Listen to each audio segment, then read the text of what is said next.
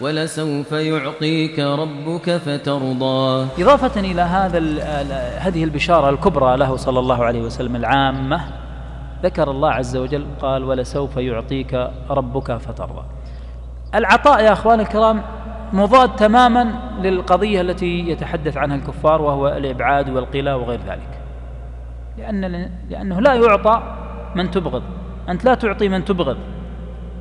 فالإعطاء دليل على أن الله عز وجل أحبه وقربه ودافع عنه صلى الله عليه وسلم. بل جاءت الآية ولسوف. أي سيستمر العطاء. وسوف هنا تشعر بأن العطاء سيمتد امتدادا بعيدا وطويلا ويعني له أمد بدلالة سوف. بخلاف السين لو كانت السين كانت أقصر أمدا. صحيح أنها تدل على المستقبل لكنها أقصر أمدا. ثم جاءت اللام. لتدل لتدل على التوكيد ولا سوف اللام هنا للتوكيد. ثم جاء الفعل المضارع يعطيك للتدليل على أن عطاء الله له ليس عطاء منقطعا وإلا سارت وقد أعطاك.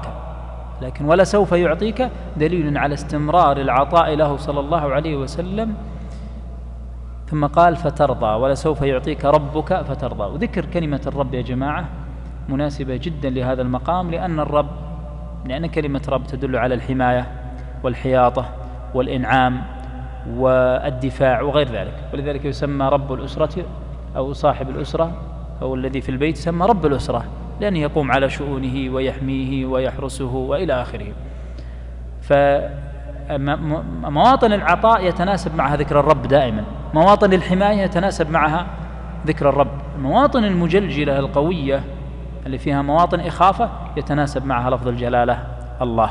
ولذلك دائما آه، أبو السعود في تفسيره يذكر لفظ الجلالة خصوصا إذا وصل إلى لفظ الجلالة يذكر سبب ذكره بالذات. ومن ضمن العبارات التي يكررها دائما يقول وذكر لفظ الجلالة في هذا الموطن لتربية المهابة في النفوس وستجد غالبا المواطن التي يجي فيها لفظ الجلالة هي مواطن عظيمة مجلجلة تحتاج إلى قوة.